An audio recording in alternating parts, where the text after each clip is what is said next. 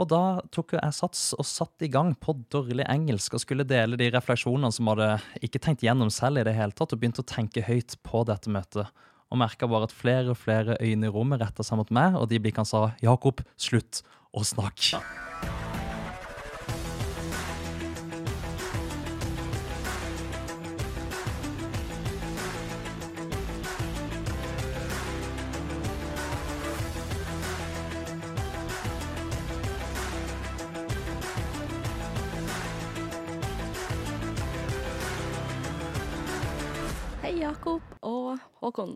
Hei, Rina. Hallo. Velkommen så mye hit. Takk for det. Tusen hjertelig takk. Det er en fin dag. Ja, det er det. Um, og det første vi må etablere, er jo hvem er Jakob, og hvem er Håkon? Ja, jeg kan gå først, jeg. Siden du sa mitt navn først. Jeg heter Jakob eh, Engebretsen. Jeg kan begynne litt baklengs. Da kan jeg gå litt, eh, starte med hvor jeg er i dag, og hvor jeg kommer fra. Jeg har jobba i Deloitte i ca. to år, der jeg jobber som IT-konsulent. Med store implementeringsprosjekter og skapt impact that matters. Før det så var jeg student i Trondheim, gått på NTNU i fem år. Og gått opp på den linja som heter INDUC, eller Industriell økonomi og teknologiledelse. Og enda før der så vokste jeg opp i Kristiansand, hvor jeg hadde en oppvekst prega av mye fotball, mye fisking og mye lek. Jeg tenker at jeg skal gå andre veien. da. Starte fra bunnen eh, og gå oppover kronologisk. Jeg heter Håkon Melgaard Sveen. Kommer fra Sørskabygda, som er en bitte liten bygd utenfor eh, Elverum i Hedmark.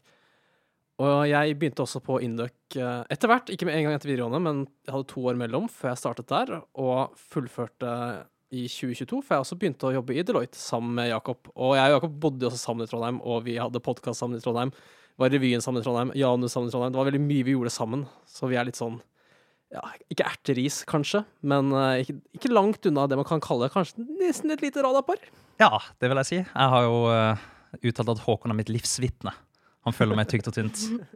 Vet alt jeg har gjort, alt jeg har sagt. Det får Håkon med seg. Og hvis eh, lytterne falt litt av her, hvem som er hvem, så er i hvert fall eh, den glade sørlendingen, det han Jakob.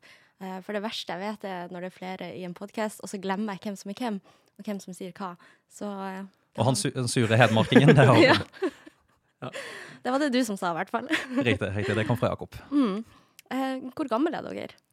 Du er født i herrens år 1995, samme år hvor eh, storflommen Storofsen Veslofsen het den egentlig. Det herjet gjennom eh, Hedmarken. Så jeg er 28 år nå, da. Og jeg er 26. Et par år yngre enn Håkon. Og eh, hadde dere noen verv under studietida? Åh, ja, vi hadde jo masse. Du kan starte, Jakob, med dine. Ja, jeg kan gå gjennom en liten liste uten å gå for mye inn i detalj på de, men det første jeg gjorde i Trondheim, var å bli med i revyen. Revy var et konsept jeg ikke visste om før jeg ble en del av det selv. Da var jeg skuespiller og skulle stå på den store scenen og forberede sketsjer og sanger foran eh, et stort eh, publikum. En fantastisk opplevelse å bli en del av revysirkuset. Utenom det så har jeg også spilt mye fotball i Trondheim. Vært eh, eh, lagleder for, eksempel, for Janus FK i studentligaen der oppe. Har vært med i linjeforeninga vår, Indeks linjeforening. Og så har jeg vært redaktør av en studentavis vi har der oppe. Og mitt siste år i Trondheim så hadde jeg også en podkast, Typisk Indeks, sammen med Håkon. Der ligger det 19 episoder ute på din lokales podkast-app, som er mulig å sjekke ut den dag i dag. De fins, de. Lever i beste velgående. Ja, jeg har også gjort mye av det samme som Jakob, da. Også skuespiller det første året på Induc. Spilte på fotballaget. Var også med Janus. Også sunget i kor i Trondheim. Og jeg elsker også revyen. Jeg var jo både skuespiller ett år, og så var jeg også regissør og revysjef eh, til slutt. Og så var jeg også med i Uka det siste året. Pluss podkasten. Så vi, vi likte å gjøre mye.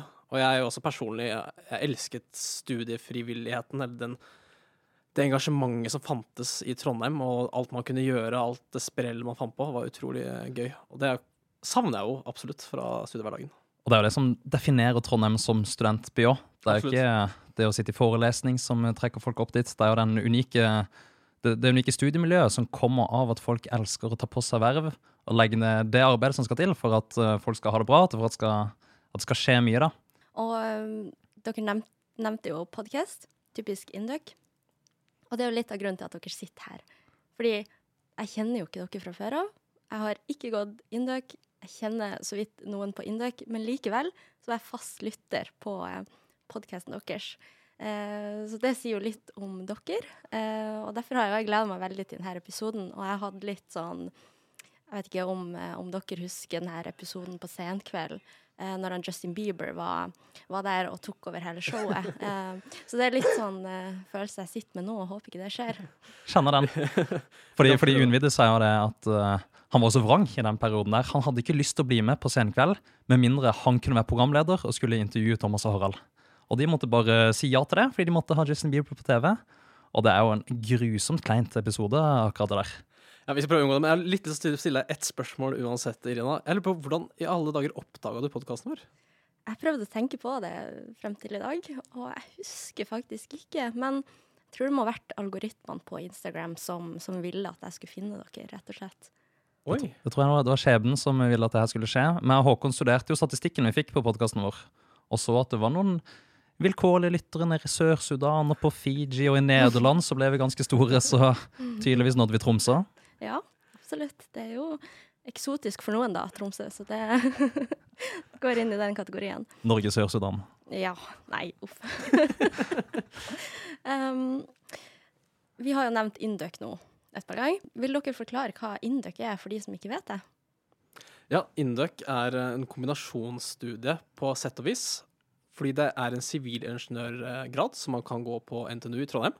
Hvor man følger en teknologiretning som ligner på en av de andre teknologiretningene som finnes på NTNU. Og de fire man kan velge der, er marinteknikk, maskiningeniør, energi og og datateknologi. Så det er de fire.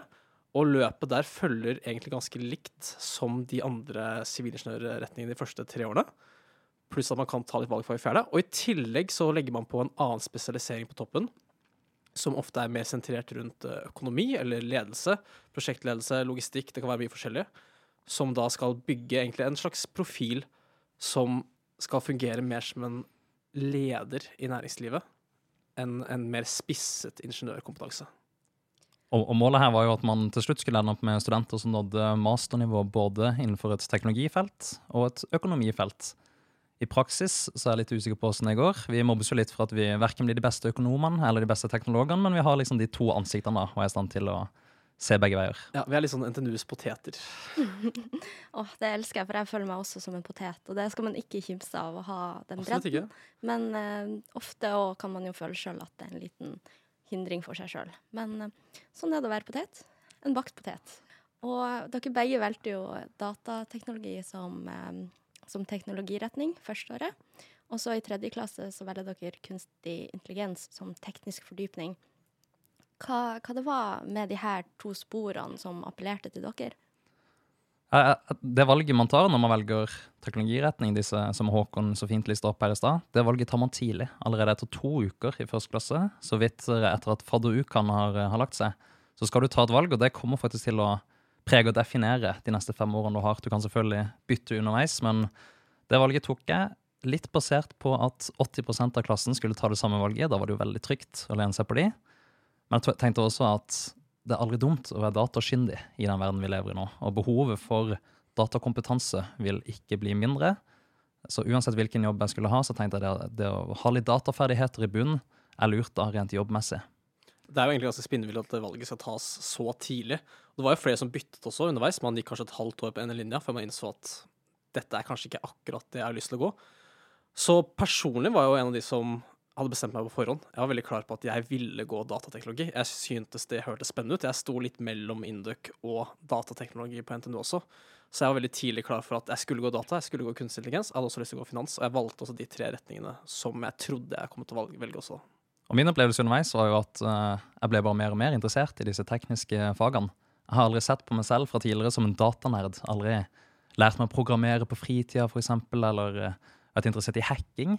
Men for hvert nye datafag vi hadde, så tenkte jeg dette er helt magisk, og jeg elsker det. Det å, det å jobbe med data det er det eneste som får meg inn i arbeidssoner hvor jeg kan eh, jobbe i åtte timer uten å, uten å legge merke til at tida har gått. Mm, og teknologi er jo noe vi alle har et forhold til. Men jeg tror også man på en måte forstår ikke helt hva teknologi er. Det kan være en blackbox for veldig mange. Hva betyr teknologi for dere? Jeg kan jo gå litt eh, først der. For meg så er teknologi en helt integrert del omtrent av det å være menneske. Og det kan høres litt eh, dypt ut, men jeg kan gjerne ta dere gjennom litt eh, hva jeg tenker her. Jeg, jeg ser jo på, på teknologi som hjelpemidler for å gjøre vårt liv enklere eller bedre. Og det har alltid vært en del av det å eh, Egentlig hvordan mennesket utfolder seg og utvikler seg og bygger samfunn. Og når vi ser tilbake i tid, gjennom historikken, så vil vi ofte definere sivilisasjoner eller tidsepoker basert på hvilken teknologi de hadde tilgjengelig på det tidspunktet. Mm, steinalderen, steinalderen, sant? Og hvis jeg tenker på vikingtida, for eksempel, hvilke symboler kommer dere på hvis jeg tenker på vikingtida, Håkon? Runer, hjelmer, sverd. Båter, ikke sant? Det er jo begreper som handler om hvilken teknologi de benytter seg på det tidspunktet for å ekspandere og utfolde seg osv. Så, videre. så jeg, jeg ser nesten sånn helt essensiell link mellom hvordan vi mennesker tenker og oppfører oss, og teknologi. Så teknologi var ikke noe som ble oppfunnet med datamaskin for eksempel, eller med kunstig intelligens på 50-tallet. Nei, det har alltid vært en del av det å være menneske. Og jeg syns, det er flott, fordi um, jeg hørte nylig et intervju av en filosof som heter Einar Duenger Bøhn. Kjenner du til han? Nei.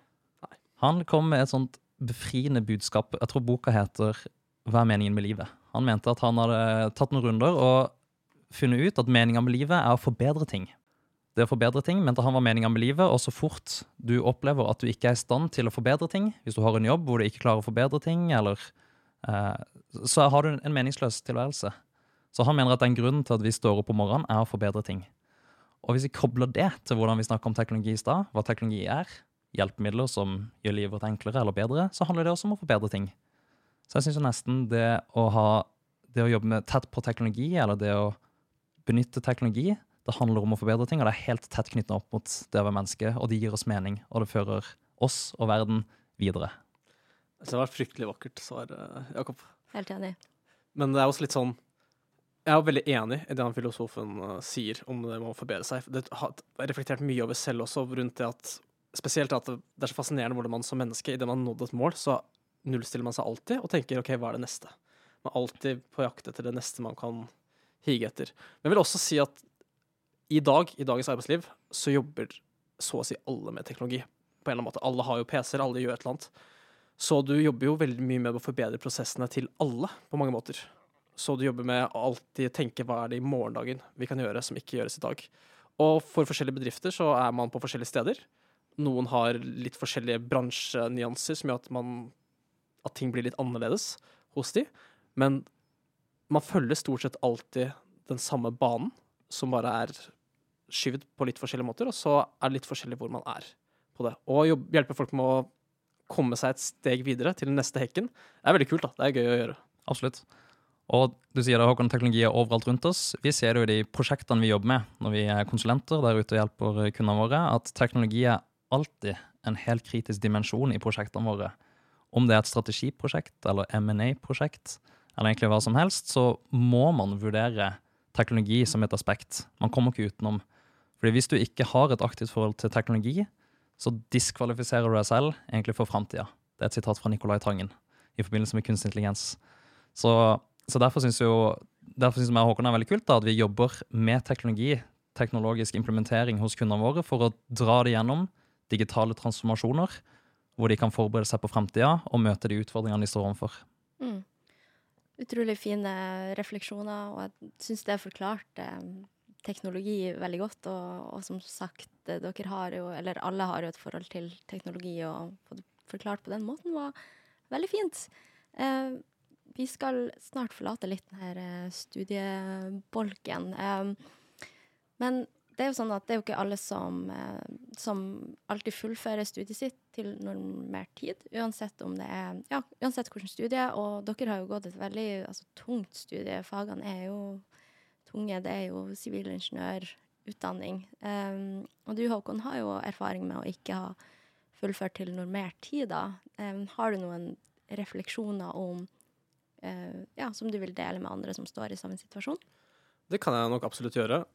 Det, for min personlige del så handlet det litt om eh, helsemessige årsaker, uten at jeg trenger å gå så inn på det, for det er ikke så viktig del av historien egentlig. Men det å fullføre etter fem år når du er såpass ung, da har du gjort, brukt fem år på å studere, hvis du velger å gå bachelormaster, som er ganske langt studieløp også, og så har du da 50 år kanskje da, igjen i arbeidslivet som du skal bruke.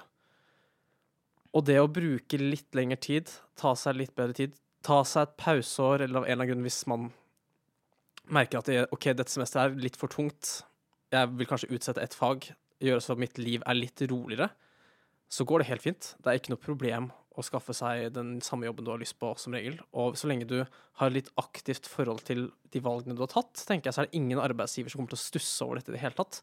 Om du sier 'jeg ønsket å ta litt roligere semester det året fordi det var mye som skjedde i livet mitt den gangen', det er ingen som kommer til å reagere på det. Alle kommer til å tenke at du har faktisk et bevisst forhold til din tidsplanlegging, og det er faktisk et ganske positivt tegn på mange måter. Og jeg syns jo også at man får mye igjen for det. Jeg koste meg jo mye i de årene jeg gikk der. Jeg følte kanskje ikke at jeg var helt klar for å begynne å jobbe etter det femte året, og at jeg da hadde tatt det litt roligere i perioden før, og fikk tatt det sjette året, gjorde at jeg ble mye klarere for å begynne å jobbe. Jeg følte at det var mye riktigere tidspunkt i livet mitt å ta det steget ut, og det fungerte veldig godt for meg, da. Og jeg vet jo at mange som gikk ut med oss, har jo sittet og tenkt sånn De har savna studiet, de har våkna på morgenen og tenkt sånn åh, jobblivet er tungt, da. Det er stå opp tidlig, og det er alltid hver dag måtte møte opp og gjøre de samme greiene. Og jeg har ikke følt på det samme. Og så jeg tror både på personlig plan og også samfunnsmessig plan. Det er, det er ikke noe problem med å gjøre det. Folk, gjøre, det er mange grunner. Det kan være helsemessige årsaker, det kan være personlige årsaker, det kan være at du har lyst til å gjøre noe annet et år. Reise, eller at du vil jobbe litt. Det er mange mange vi kjenner også som har gjort det samme som oss. Det var kanskje 15 stykker i vår klasse som gjorde det samme. Og det er en helt vanlig ting å gjøre. Så du er jo ikke alene om du vurderer den, i en store institusjonen og vurderer å gjøre det. En annen fordel Håkon har, er, om vi har dumpa et år, da, som vi kaller det, er at han nå har to kull å ha reunion med. Plutselig blir Håkon invitert på bordtennisturnering både med mitt kull og sitt eget. da. Ja, jeg har ekstra mange venner pga. at jeg har gått i to klasser samtidig. Han har fått i pose og sekk her. Ja. Mm. Høres ut som Jakob er litt sjalu, egentlig. Dere har jo holdt mye sammen, og så plutselig har du en til gjeng. Plutselig har Håkon helt egne venner som jeg ikke får lov til å henge med. Men nå har jo begge dere tatt steget ut i arbeidslivet, og begge jobber i Deloitte. Og i eh, episoden med Mia så snakker vi jo litt om de her fire store som, som fire av de her revisjonsselskapene blir kalt for, som er KPMG, PwC, EY og Deloitte.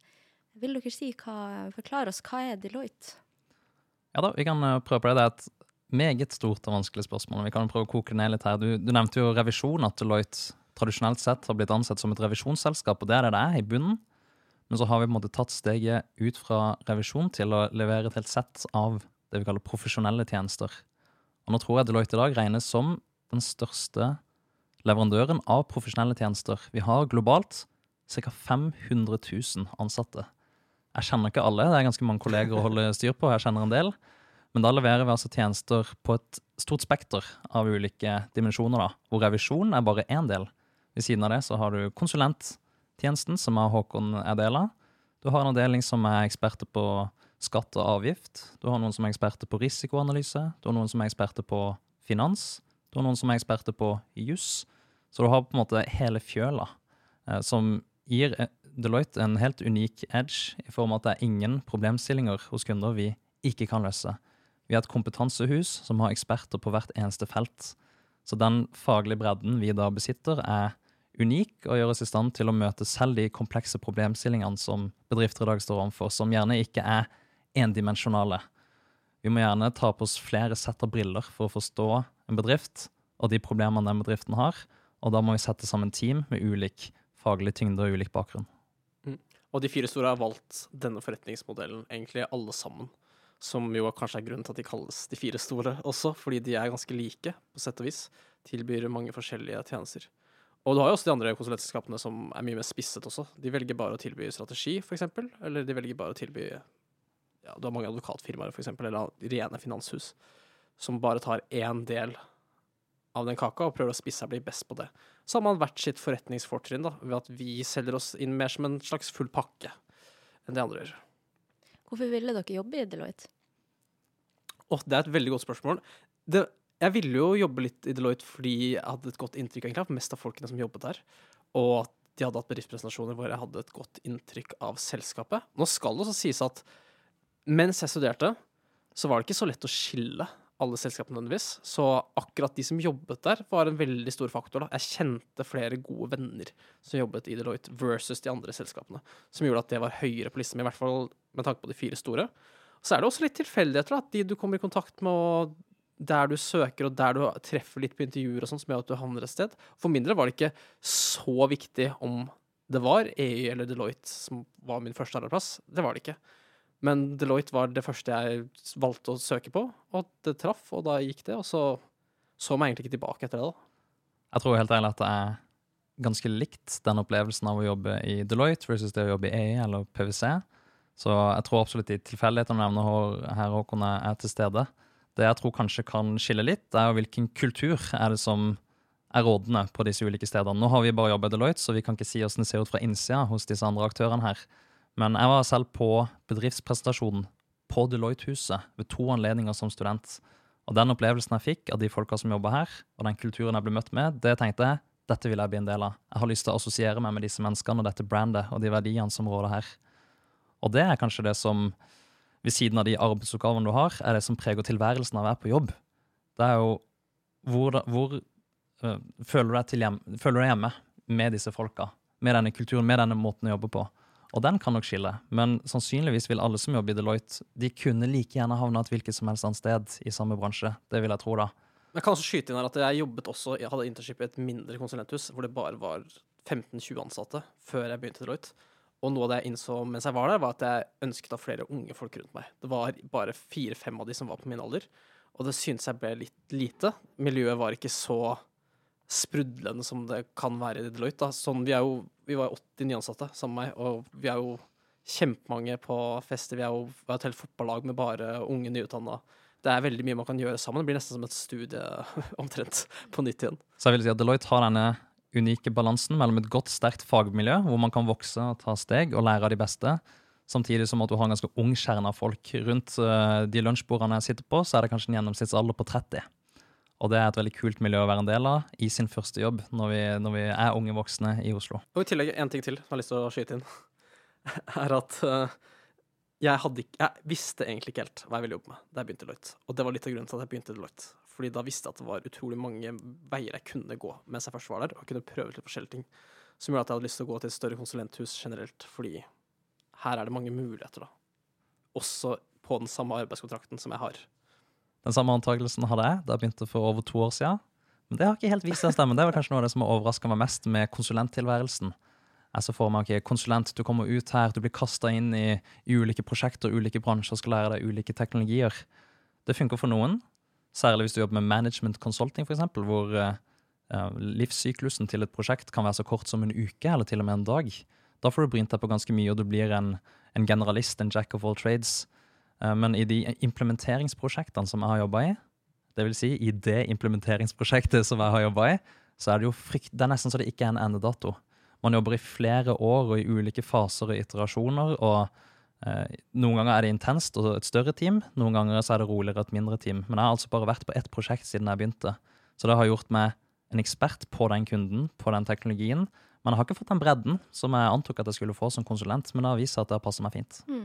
Og akkurat det skal vi gå litt nærmere inn på senere. Men jeg tror vi må også gå litt innom det her med hva er en konsulent, egentlig? For det er et vanskelig spørsmål for mange. Og konsulentbegrepet har jo noen sånne stereotypier med seg. Og eh, man, det man kan høre, er jo at en konsulent må være glad i powerpoints. og jeg må oute deg litt her, Jakob, fordi det var jo veldig artig at du sendte meg en powerpoint i forkant av denne episoden. Så det viser jo at du er en klassisk konsulent. Men kan ikke dere hjelpe meg litt å forklare hva, hva en konsulent er, og hvordan den jobber, da? Jeg bare benytter meg av tilsvarsretten min her, Irina. fordi den powerpointen jeg lagde og sendte til deg, det er kanskje den første powerpointen jeg har lagd i min jobb. Og det var derfor den ikke var så pen, det var ikke alignment, det var ikke så fine det var ikke så fint design, så der har jeg bare skrapt noe sammen. Men det er helt sant som du sier, det fins en del fordommer og stereotypier når det kommer til å være konsulent. Og jeg tror Hvis du spør 10 000 konsulenter om hva en konsulent er eller gjør, så vil du få 10 000 ulike svar. Så det er ikke så lett. Men sånn som jeg ser da, hvis vi skal prøve å løfte det opp et nivå, så er det at en konsulent skal være en problemløser. Og i det å være en problemløser så tenker jeg at det er to ting som er viktig. Det ene er å forstå problemet. Identifisere problemet, bli kjent med det stille riktige spørsmål, bryte problemet ned, og deretter den vanskelige biten, å løse problemet. Og begge deler er like viktig. Hvis du er veldig god til å løse et problem, men ikke forstår det, så løser du kanskje feil problem. Og motsatt. Hvis du bare er flink til å identifisere problemet, men ikke vet hvordan du skal ta tak i det, da kommer vi ingen vei. Revisor er veldig god på det. 'Oi, her har du et problem, her må du gjøre noe.' Men det gjør ikke noe med det selv. Derfor er konsulentrollen litt annerledes. Så jeg liker å se på oss som problemløsere, men det handler også litt om hvordan man ser på det, fordi mye av det vi gjør, mye av de prosjektene vi har, adresserer ikke nødvendigvis et problem, men heller en mulighet. Jeg tror nesten flerparten av, de kundene vi har, ønsker å ta steget fra der de er nå, benytte seg av ny teknologi eller gå på en mulighet og løfte seg et nivå. Jeg kan jo ta, ta et eksempel. La oss si en, en bedrift som opplever et umiddelbart cyberattack. De er hacka. Dataen deres lekker ut. Da har du et problem. Da får du på noen eh, konsulenter som jobber sammen med de interne folkene i denne bedriften, og så løser du et veldig kritisk problem her og nå. Men veldig ofte så handler det om å se Oi, nå, har, eh, nå, har fått, eh, nå finnes det helt nye teknologier på kunstig intelligens. Hvordan kan de passe inn i vår strategi? Hvordan kan vi ta det i bruk? Og så kommer konsulenten inn ikke for å løse et problem, men for å utforske muligheter for å konkretisere det og tilpasse det virksomhetens kapabiliteter og verdier og, og, marked. Så like mye som man er, jobber med problemer, så jobber vi med muligheter. Mm. Ja, jeg er enig med det Jakob sier her, egentlig. Jeg har ikke så mye mer å fylle til, egentlig. Og det er jo det at en konsulent er jo bare en norskifisering av det engelske ordet 'consultant', som på norsk betyr rådgiver. Så det er jo det egentlig du er. Du er en rådgiver. Du er innleid for en liten kort tidsperiode. og det lønner seg i mange sammenhenger for en bedrift å ha noen ikke på fast ansettelse, men bare en kort periode, fordi man har et behov som man bare ønsker å enten få løst eller utbrodert der og da, og ikke så mye etter det nødvendigvis, da. Og Derfor går konsulentbransjen veldig bra i Norge, fordi hvis du ansetter noen som et norsk selskap, så vil du slite med å bli kvitt dem. Så ofte har du bare behov for folk i en begrensa periode mens man implementerer et, uh, et nytt teknologisk verktøy eller skal uh, lage en strategi for de neste fem årene. Så har du ikke nødvendigvis lyst til å ansette ti personer for resten av deres karriere, fordi vi har et umiddelbart behov for folk. Og da er det lettere å leie inn konsulenter som har løst tilsvarende problem tusen ganger før. De vet hvordan vi skal gjøre dette her. Vi har jo, Når vi kommer ut med Deloitte, så er det ikke kun interessert i de enkelthodene som kommer. De har lyst til å benytte seg av hele den kompetansen som kollektivt finnes i Deloitte. Ja, for det er jo et internasjonalt nettverk. Jeg sitter jo stadig vekk i telefonen. Senest i går så var jeg på telefonen med folk fra USA. Jeg snakker med folk fra Spania, Tsjekkia, Nederland. Folk som gjør akkurat det samme. Det er alltid, Hver gang det er en ny case, er det alltid noen i verden som har gjort dette før meg. Det er bare å finne ut hvem det er, og så ringer jeg de, og så spør jeg litt om tips om hvordan de har gjort det. Så det er veldig kult. Jeg snakker med internasjonale folk hele tiden. Så kul du er, Håkon. Ja, takk. Jeg har også, og, også vært med masse prosjekter. Og litt av nøkkelen her er jo at vi har the Deloitte way of working. Vi har metodikk og rammeverk som vi kan eh, legge på egentlig et hvilket som helst case, og så vil ting gå litt av seg selv. Så vi, det er litt derfor det lønner seg òg, fordi vi kan benytte oss av den erfaringa vi har fra tidligere. Vi har løst tilsvarende problemer. Derfor kan vi sette det inn i en sammenheng og angripe problemet kanskje litt raskere enn en kunde som opplever dette for første gang. Så jobber dere da mye med, med andre kontor også, og ikke bare Oslo-kontoret? Det er litt, litt, forskjellig. Jeg har vært mye borti mange forskjellige kontorer, i hvert fall på de to siste prosjektene mine.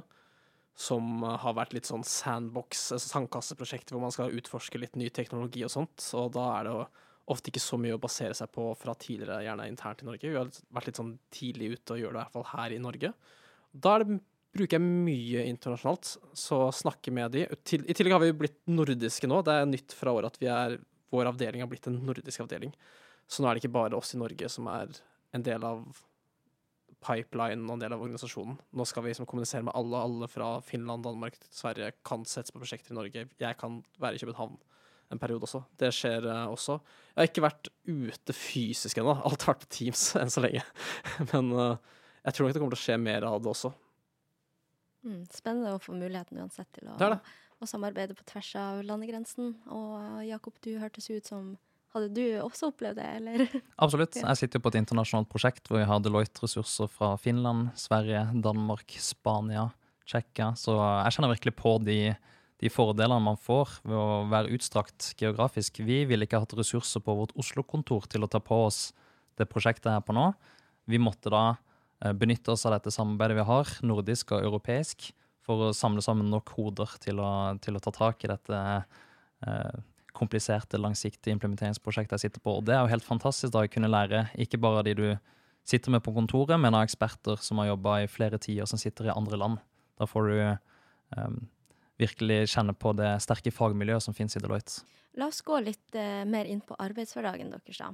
Eh, og siden du, Jakob, allerede har nevnt litt eh, av det du jobber med, kan ikke du fortelle oss hvilken avdeling du jobber med, og hvilket prosjekt du jobber på? Ja, Nå spørs det hvor sexy vi klarer å legge fram dette her, men vi kan jo prøve. Jeg jobber med en teknologi som kalles CRM. Det er vel kanskje like mye et fagfelt som en teknologi, men det står altså for Customer Relationship Management. Og det, det jobber, vi, jobber, vi, i vår avdeling, og da har vi et par ulike teknologier vi benytter oss av for å implementere CRM-løsninger hos våre kunder. Og den teknologien jeg har jobba mest med, den heter Salesforce. Jeg hadde ikke hørt om den før jeg begynte å jobbe. Jeg hadde ikke hørt om CRM før jeg begynte å jobbe. Og jeg skal innrømme at det å jobbe med CRM var egentlig ikke det jeg så for meg da jeg skulle bli IT-konsulent. Jeg så for meg å jobbe med kunstig intelligens, skulle jobbe med data, skulle jobbe med algoritmer, fordi det var mer i tråd med de fagene jeg hadde hatt på NTNU. Men så har det vist seg nå at veldig få av de som jobber med teknologi i Norge, jobber med kunstig intelligens. Det er en voldsom hype, men den hypen blir ikke helt møtt hvis du ser på hvor virksomheter er i dag. Så den anerkjennelsen jeg gjorde da jeg begynte å jobbe, var at innenfor datateknologi så finnes det en del etablerte måter å jobbe på, eller det finnes en del etablerte sjangre innenfor datateknologi som har veldig stort fotfeste i, det, i bedrifter i det norske markedet. Og CRM er jo et eksempel. ERP er et annet eksempel. Så nå har jeg jobbet med CRM. Det handler om at bedrifter skal ha oversikt over sine kunderelasjoner. De må vite hvem er kundene våre. Hvilke tjenester og produkter er det vi har solgt våre kunder? Hvilken historikk har vi på kundene våre? For ta hva, hva det står for? Det er Customer Retail Marketing? er det ikke? Nei da, dette okay. sa jeg i stad, Håkon. Nå fulgte ikke du godt med. Nei, Customer Relationship Marketing. Ah, og jeg er livredd for at det er feil, så folk må gjerne google. Uh, man blir litt blind vet du, på disse forkortelsene. Plutselig vet jeg ikke selv hva det betyr. Um, så det er det tradisjonelle CRM. Det handler om salg, det handler om service, og det handler også litt om markedsføring. Salg for å vite hvilke produkter har vi solgt til kundene. Service for å vite hvilke problemer har kundene våre med de produktene de har kjøpt. Og markedsføring. Hvordan kan vi få kundene våre til å kjøpe mer, og hvordan kan vi nå nye kunder. Men så er det som eh, med alle teknologier at at det utvider seg og det, det, tilpasser seg. Så CRM i dag, CRM-systemer, kan plutselig gjøre veldig mye mer. Og det er litt opp til hver enkelt aktør å vite hva skal CRM bety for oss. Så nå, nå framover kan man jo se f.eks. at uh, um, bærekraftsrapportering kan bli en del av et CRM-system. Vite hvilke positive og negative bidrag har vi på våre utslipp. Eller Analytics. Hvordan kan vi bruke CRM-systemet vårt som en datahub for alle våre interne system, og ha rapportering og dashbord derfra. Så, så et CRM-system er ikke nødvendigvis et CRM-system. Og hvordan ser din eh, Eller hva jobber du med, Håkon? Du, Jeg jobber med veldig mye forskjellig, egentlig. Jeg er jo i avdelingen Cloud and Engineering. Men det er tilfeldig at det er der. Det er en paraply, egentlig. Vi har noen eh, avdelinger som er ganske tett knyttet sammen.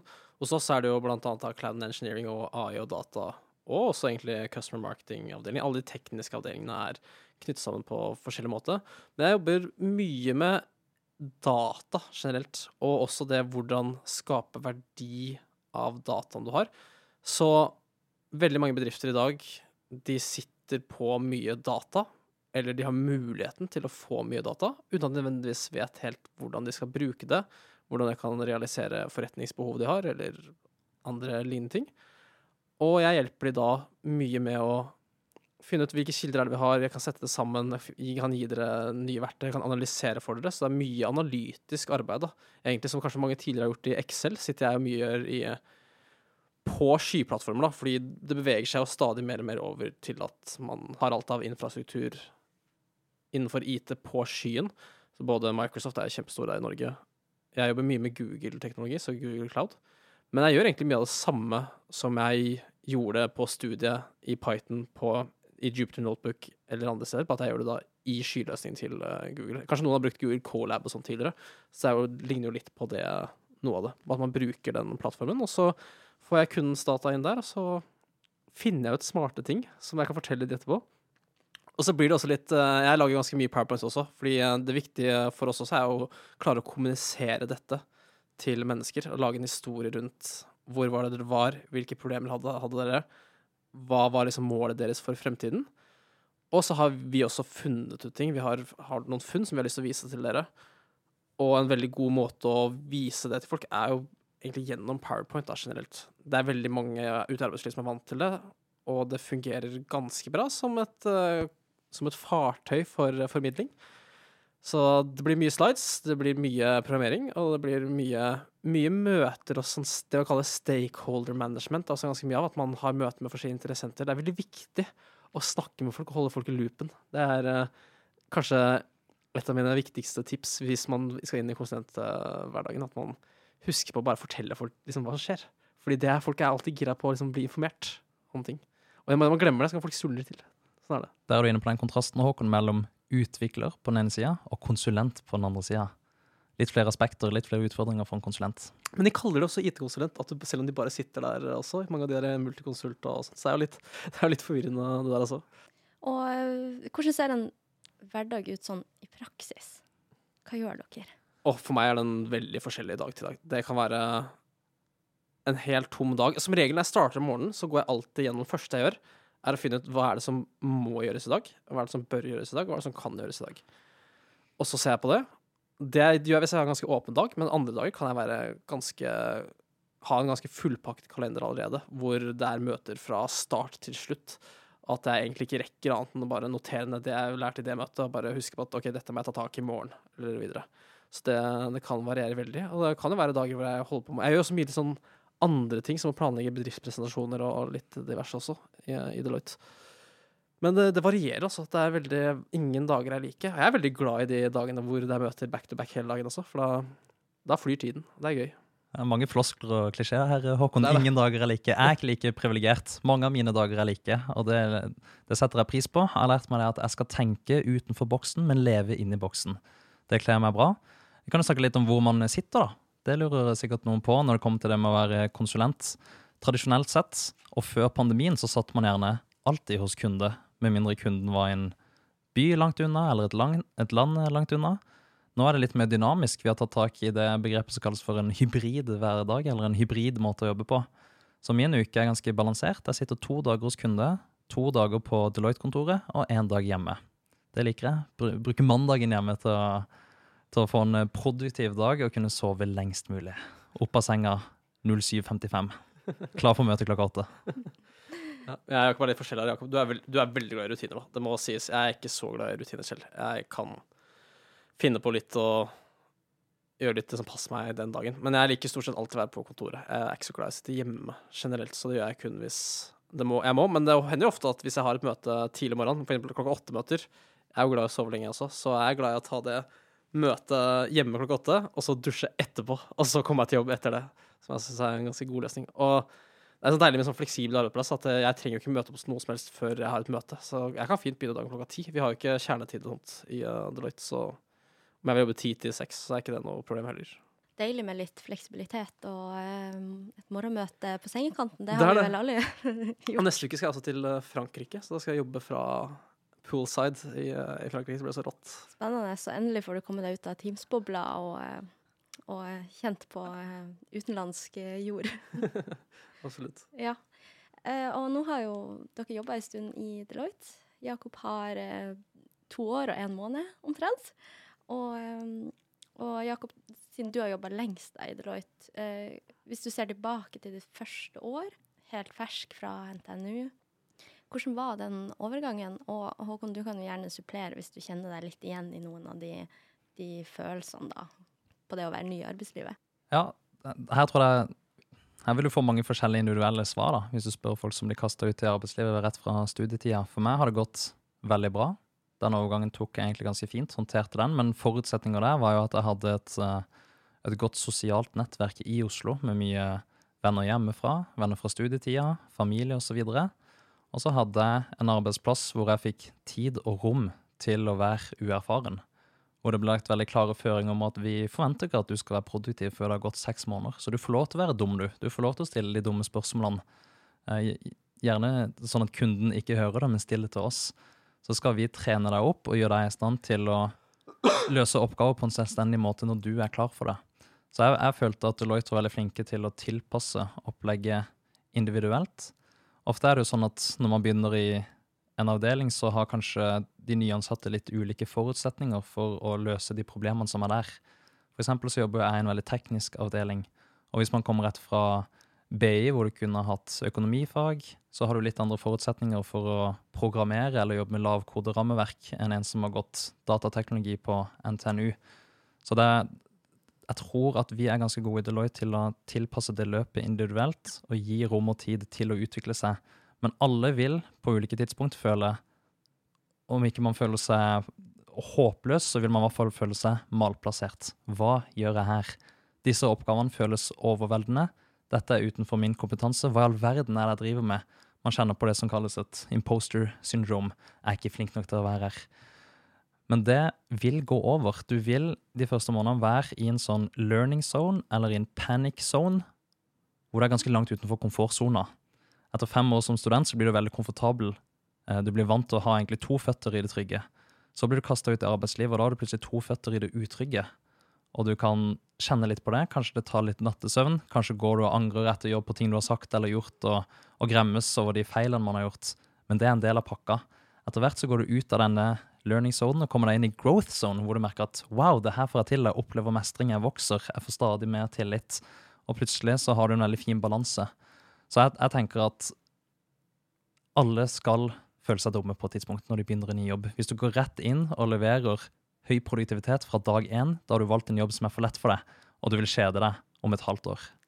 Ja, det, jeg kjente litt på det samme. Jeg har ikke hørt om disse begrepene brukte som learning zone og growth zone uh, før, men jeg kjenner meg veldig igjen i det at det første kundemøtet jeg var i noensinne, så satt jeg rundt et bord, og meg og min prosjektleder, som han har vært i Deloitte i 25 år, så han er en ganske erfaren type, pluss at det var tre kunder som alle var i hvert fall 45 pluss, da, hele gjengen.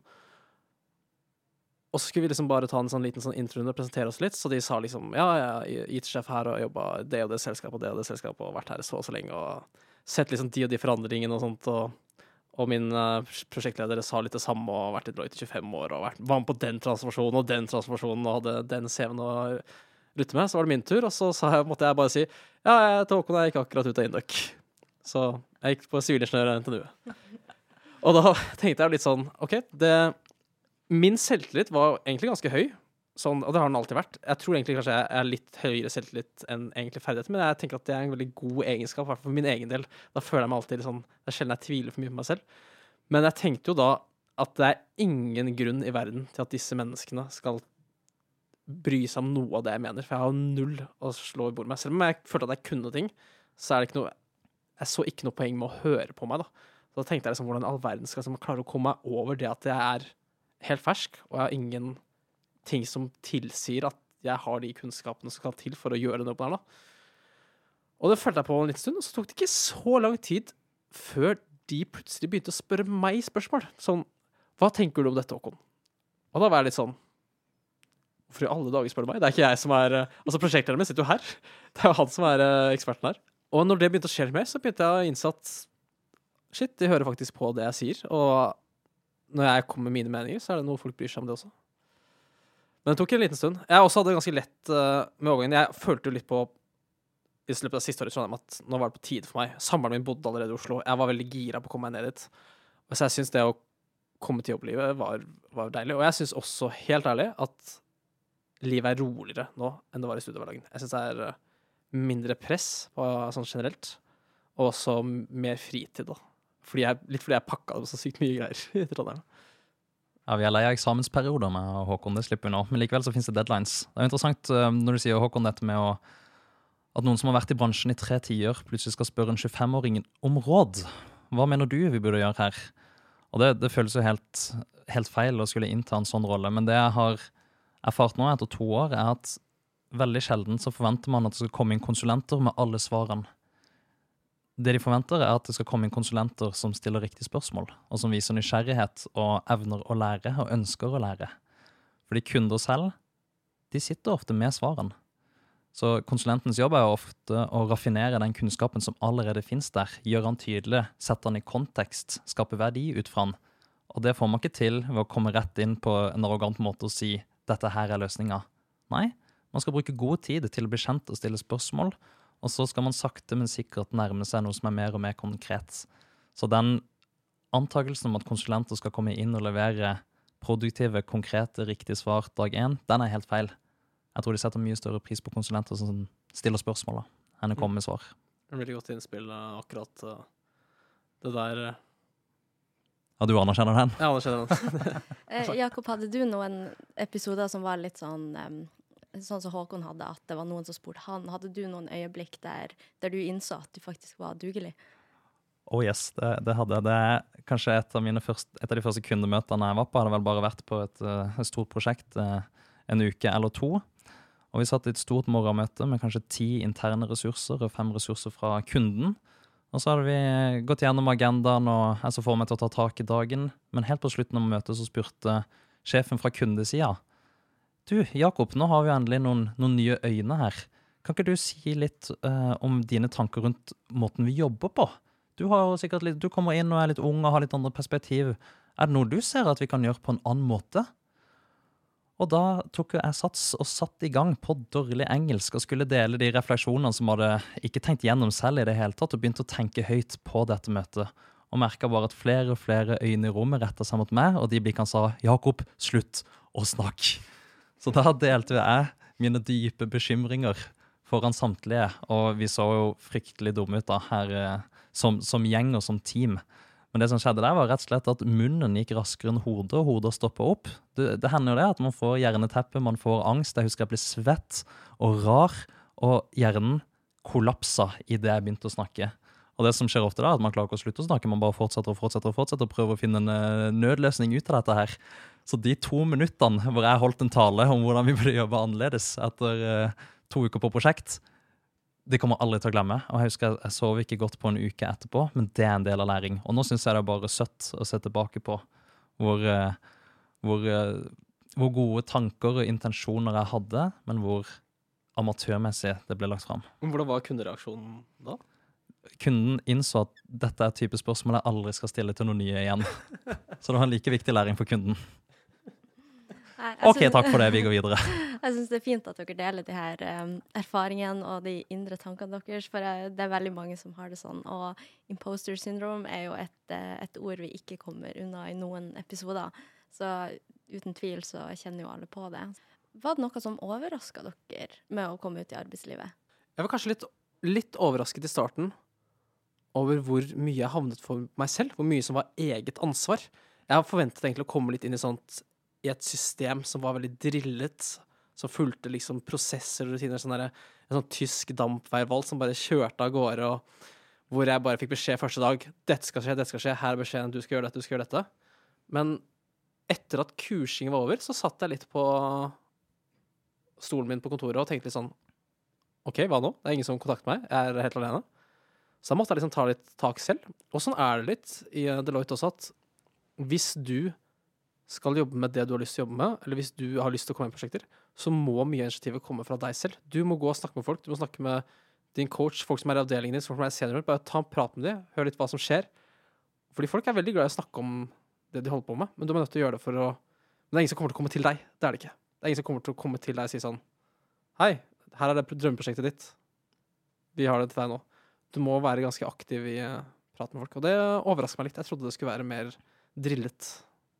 Jeg ble selv overraska over hvor spiss man blir som konsulent. Det, nå snakker jeg på mine vegne, da, ikke nødvendigvis sånn at det er sånn for alle konsulenter eller alle konsulenthus, men vi har jo erfart det at hvis vi skal være i stand til å løse de komplekse problemene som kundene våre står overfor, så har vi ikke råd til at alle i Deloitte skal kunne litt om alt. Da vil du rett og slett ikke bli eksperter nok på disse temaene. Så vår businessmodell er jo egentlig at vi har eksperter på ulike felt, og når vi løser flerdimensjonale problemer, så setter vi sammen team eh, som har mangfold i form av bakgrunn og ekspertise. Og når vi setter det sammen, da blir vi i stand til å løse komplekse, mangefasetterte problem. Men jeg må være ekspert på CRM. Jeg kan ikke være ekspert både på CRM og på AI og på blockchain og på psykologisk trygghet og på endringsledelse. Men det representerer vi som Deloitte. Så jeg, har jo, jeg så for meg selv at jeg skulle bli kasta ut i et sett av teknologier og bransjer og oppgaver. Men foreløpig er erfaringa mi at, at det har vi ikke råd til. Vi trenger å, å dyrke spisskompetanse for å hele tida kunne være på fronten av teknologien og eh, være i stand til å komme inn hos kunder som fageksperter. De ville ikke leid inn ti hoder som var, kunne litt om alt. Det holder faktisk ikke. De problemene vi står overfor nå, er såpass kompliserte. Markedene forandrer seg nå såpass raskt at du må ha fageksperter inne for å kunne håndtere det. Det er, det, er, det er mye mer sånn også enn det jeg så for meg at det var. Selv om jeg personlig da, gjør mye forskjellig. Jeg prøver veldig hardt å være en potet også. Fordi jeg er veldig på jakt etter hva jeg har lyst til å jobbe med på sikt. Og jeg kan ikke jakte på det uten å prøve litt forskjellige ting. Så jeg er veldig aktiv i at jeg prøver å få forskjellige typer prosjekter. Håkon vil jo være en sånn, et sånt universalgeni eller en renessansemann, en polyhistor som kan alt om alt. Vi får se åssen det går. ja, det er drømmen i hvert fall. Men jeg kjenner meg veldig igjen i det der med å være en potet, og så noen ganger føle at man ikke er spissa nok, da, og ikke har tilstrekkelig dybdekunnskap, samtidig som det er en styrke å også være poteten som på en måte ser oversikten i alt, da, og kan egentlig binde alt sammen. Eh, men Jakob, er det noe du Syns det er fint å være spissa nå, eller kunne du tenkt deg også å bli litt mer eh, potet? Jeg syns det er helt uh, suverent, for jeg ser hvilken innflytelse det gir meg i reelle problemstillinger. Kunden har da enorm tillit til de svarene jeg kan gi, fordi kunden ser at dette er et fag han mestrer godt. Jeg ville ikke hatt like mye troverdighet hvis jeg ikke hadde ekspertkompetanse på noe som helst. Så jeg tror de, de rollene du skisserer, som kan ulike temaer og binde alt sammen, de er kritiske, de òg. Men du trenger ikke så mange av de. Men du trenger noen som kan snakke ulike språk. For hvis alle sitter i siloer og ser verden gjennom sine briller, så vil mye informasjon gå tapt, og vi vil ikke klare å utnytte disse synergiene da, mellom teknologier eller mellom um, folk som jobber med forskjellige ting. Så det er jo absolutt en risiko med at folk skal bli spisse. Jeg tenker jo at som, som inndøkker så har en sånn iboende eh, generell forståelse både for forretning, sånn at jeg kan snakke med kundene våre, jeg kan forstå de behovene som de beskriver, og som teknolog så er jeg i stand til å oversette det og kommunisere dette til de som faktisk skal implementere det.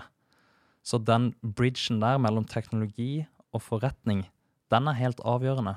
Og jeg, selv om jeg er ekspert på CRM, så, så, må man faktisk være konsulent i den grad at du kan kommunisere til kunden og forstå de tilbakemeldingene man får, for at det man leverer, til syvende og sist svarer til de behovene og problemstillingene som kunden står overfor så ofte ser man i implementeringsprosjekter, typisk sånn eh, eh samlokalisering av Helse-Norge, når alle journalene f.eks. skal inn på ett felles system, så setter man i gang, eh, og så bare skalerer det så utrolig dårlig, og det vokser ut av alle proporsjoner, og det er ikke godt nok planlagt, det er ikke god nok kommunikasjon mellom de som skal bruke systemet, og de som lager det. Så man er helt avhengig av å faktisk kunne tolke og oversette brukerbehov og ha da et, et menneskesentrisk perspektiv når man lager teknologi, sånn at de løsningene man lager, korresponderer med de problemene som faktisk er til stede. Hvis ikke er man sjanseløs. Veldig gode poeng. Eh, og Håkon, du fikk jo jobbe med mye av det du hadde studert, eller var mm. mye av det samme. Hvordan syns du det var å faktisk praktisere det? Oi, det er et godt spørsmål. Det er egentlig på mange måter veldig likt som prosjekter har vært tidligere det, den største forskjellen er egentlig dette å At det er andre mennesker som er forventer resultatene dine på en helt annen måte enn det en lærer og karakterer eh, hadde gjort. da. Fordi du har ikke noe særlig kommunikasjon med en lærer. Du, du lager et prosjekt, og så leverer du det, og så får du en, en grade til slutt da, som sier noe om hvor bra det er gjort. Men man er så utrolig mer iterativ i måten man jobber på. Man snakker med kunden hele tiden, og man lager noe for noen. Og derfor er det utrolig viktig å lytte og ta til seg det man sier. Så den store forskjellen ligger nok egentlig der, men det er veldig likt som jeg så det for meg. Altså. Det er det. Jeg hadde jo også tre internships før jeg begynte i Deloitte, og det er mange likheter mellom det også å jobbe fast. Så jeg syns absolutt det er eh, likheter. Og så syns jeg så på noen ting så syns jeg også at mange av mine studiekamerater tidvis har vært flinkere til å gjøre andre ting, f.eks. det å lede et prosjekt eller å kommunisere og sånt, enn det er noen jeg jobber med nå også her. Så det er, det er, både ting som er bedre, og ting som er, ikke er så mye bedre heller. Så, men i all hovedsak veldig likt, altså. Ja, vi skal snart begynne å runde av denne eh, jobb, jobbpraten. Men et siste spørsmål er jo at uh, de fleste som jobber i de her konsulentselskapene, etter to år så får de jo som regel en ny tittel. Og eh, Jakob, du, jo, du, kan jo smykke deg med ny tittel, da. Kan du fortelle litt om de stegene i Deloitte, og hvordan, ja, hvordan skjer det, og hvilke muligheter er det? Ja, nå sitter jeg her med en ny tittel, ny badge på brystet, hvor det står seniorkonsulent. Og det gir meg jo mye mer troverdighet, eh, gjør det ikke det? Jo da, for eh, en helt annen patos og etos eh, med den seniorkonsulenttittelen. Nei da, jeg er jo selv ikke så opptatt av disse titlene, og det syns jeg ikke man skal være. Jeg tror man har en helt feil approach hvis man går inn et sted og tenker fra dag én at her skal jeg bli partner. Jeg kan godt ligge der i bakhodet, men hvis du skal tenke på det hver eneste dag, da tror jeg det har en kontraintuitiv effekt. Så det, det fins jo et visst hierarki eller en struktur som er der for å hjelpe oss, men i det daglige så er den strukturen ganske flat. Det er iallfall min opplevelse. Men vi, hver person som jobber i Deloitte, befinner seg jo et eller annet sted på en sånn karrierestige. Og hos oss i Deloitte Consulting så starter den med analyst. Det er den tittelen du får idet du begynner. Den er helt ny. Tidligere, kom du som, tidligere så kom du inn som konsulent, men nå prøver vi å skape et slags skille mellom de som kommer inn helt ferske, og de som har jobba et år. Så etter ett år som analyst så blir du konsulent. Da er du virkelig i gang. Så går det bare et år før du blir seniorkonsulent. Det er der jeg er nå. Og så herfra så kan ting forandre seg litt ulikt og litt individuelt. Du føler deg som ett kull og én skole fram til nå, fram til du blir seniorkonsulent, men så handler det litt om hva du er i stand til å levere, og hvilke steg man tar, og hva man selv er motivert for. Nå finnes det litt ulike veier herfra. Men den klassiske gangen er at om tre år så vil jeg da tre inn som manager. Og da er det litt typisk at man ikke er like hands on i prosjekter lenger, men ser prosjektene gjennom en litt, litt, andre briller og jobber på en litt annen måte. Og du skal også eh, være ansvarlig for salg og sørge for at eh, Deloittes inntekter holder seg på et eh, godt nivå. Og man gjør gjerne litt mer prosjektledelse. Og så tar det noen år, og så blir du senior manager. Og når du har solgt nok prosjekter som senior manager, så blir du director. Og hvis Deloitte virkelig liker det man driver med, så kan man bli invitert inn i partnerskapet, hvor du da får eh, eierandeler i eh, Deloitte. Så det mm, Hvor mange partnere har vi på i Deloitte nå? Vi har 25 i consulting, og så er det litt mer enn Jeg tror det er 50 omtrent, kanskje litt mer totalt. Sånn. Det, det, er jeg ikke helt sikker på, også, men dette er jo sånn struktur som er veldig vanlig i mange konsulentselskapene. Veldig få av de som er børsnotert, f.eks. De fleste er jo bare et partnerskap, en selskapsstruktur som egentlig er ganske sjelden i bedriftsmarkedet ellers. Og de har bare litt forskjellige titler. Noen kaller det associate, noen kaller det consultant. Man velger litt forskjellige måter. Og mye av dette er jo styrt fra USA. Det er også noen grunn til at vi nå heter analyst på første året. Og jeg syns det er veldig bra at man har noe som skiller førsteårs fra andreårs. For det er ganske stor forskjell på år én og år to. Det føler jeg veldig selv også. Men det kommer mest fra at uh, når vi nå har blitt nordiske, så Danmark og Sverige kaller det analyst første året. Og de tror da at hvis du er consultant, så er du da, har du ett års erfaring, men det er ikke nødvendigvis sånn hos oss. Derfor måtte vi prøve å align litt mer enn de andre landene, rett og slett. Og en interessant observasjon jeg har gjort meg, er at dette hierarkiet som finnes der, det er ganske passivt i Norge. Beveger du deg litt nedover på kontinentet, eller litt østover på kontinentet, så vil du se at dette hierarkiet spiller en mye tydeligere rolle. For eksempel så er det uglesett og to question authorities. Hvis du gjør det eh, i Sør-Europa, da vil de se oi, her er det en, som ikke klarer å innfinne seg og innrette seg i hierarkiet. Her er det en som stiller spørsmål oppover. Det skal man ikke gjøre. Man skal ta de beskjedene man får, og implementere det. Det er en måte jeg misliker å jobbe på. Jeg vil gjerne at eh, gode ideer skal være viktigere enn politikk noe som mange kanskje er nysgjerrig på, og som man kanskje ikke snakker så mye om, er jo det her med den lønnssamtalen. I hvert fall når man skifter tittel ofte. Vil du si litt overordna om hvordan du gikk frem, og, og, hvordan det var å ha den samtalen?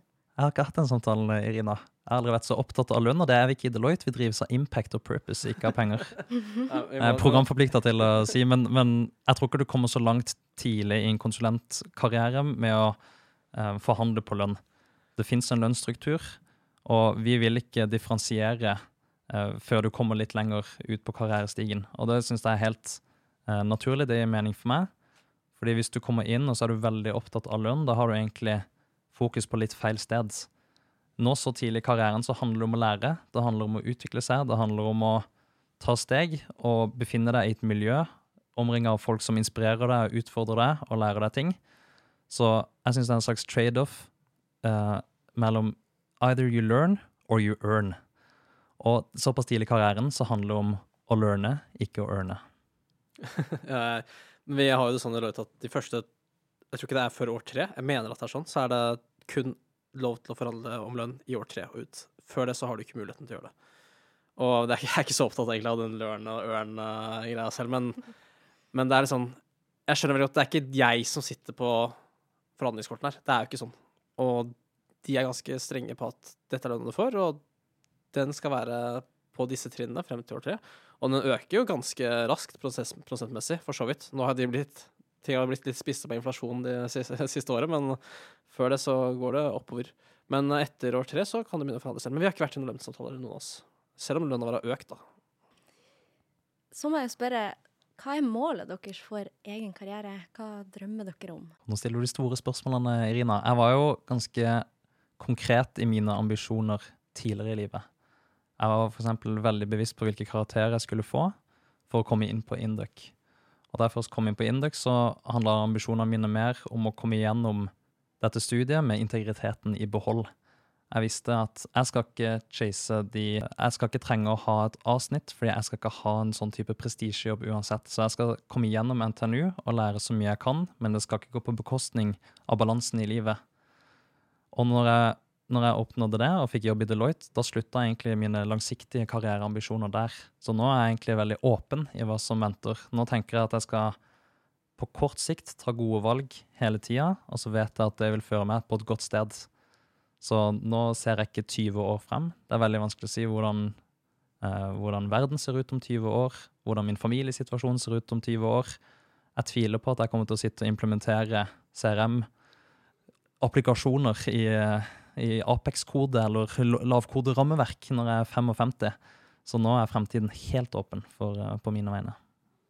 Men jeg hadde egentlig tenkt å svare nesten nøyaktig det samme som Jakob. Fordi jeg spurte meg selv litt det samme før jeg begynte å jobbe. Og jeg landet egentlig på at jeg først og fremst må finne ut hva er det jeg tror jeg har lyst til å jobbe med. Hva er det som kommer til å gi meg en følelse av at dette brenner jeg for å gjøre. Og jeg har ikke helt funnet ut av det nå, så jeg har gitt meg et slags femårsperspektiv. Og jeg tenker sånn Jeg håper jeg har kommet litt nærmere og funnet ut hva er det jeg virkelig brenner for. Og man kan også si at det å være konsulent, det er, sånn, det er ikke nok, da, fordi det er så sykt mange ting man kan velge innenfor der enn også. Så jeg prøver bare å finne litt ut av det jeg har mest lyst til å gjøre. Og så, hvis ikke jeg har funnet ut om fem år, så trenger jeg kanskje mer tid. Men jeg, jeg syns 2030 det er, det er for langt frem i tid, altså. Det er det. Det er Håkon og Stalin som er veldig opptatt av femårsplaner. ja, og samtlige norske bedrifter. Håper Håkon har litt eh, mindre ambisiøse planer. det. Ja. Um, så siste spørsmål. Hvis dere skulle gitt ett tips til de som er i starten av sin karriere, hva skulle det vært? Tenker du nyutdannede som akkurat har begynt å jobbe, eller? Ja. ja. ja jeg har et tips, og approachen min for dette tipset her handler litt om hvordan jeg møter kundeproblemer. Fordi jeg er der at i disse kompliserte problemene så trengs enkle løsninger. Det er musikk i mine ører. Enkle løsninger på kompliserte problem. Det er det kundene vil ha. Så nå skal jeg gi et enkelt råd, og det er henta fra Arne Næss, filosof. Det handler om å stå på. Stå på! Det er det eneste du trenger. Hvis du står opp hver dag og står på, så vil du komme videre. Da forbedrer du ting. Da gir livet mening. Det var et veldig, eh, veldig fint svar. Stå på. Det handler litt om sånn grit og drive og motivasjon også. Bare ja, fortsett. Ikke se deg så mye tilbake. Jeg har et uh, tips, jeg også. Skal prøve å vinkle litt annerledes. Men det handler om at du må tørre å snakke med folk generelt.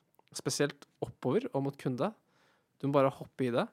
Så det å tørre å gjøre ting det, det, kommer til å ta deg veldig langt. Og kanskje kommer du til å feile. Kanskje kommer du til å få noen knallharde mageplask.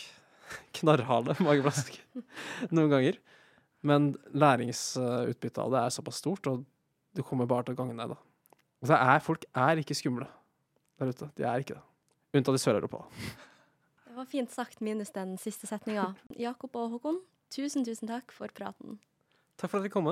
Tusen takk for invitasjonen, og takk for en fin prat.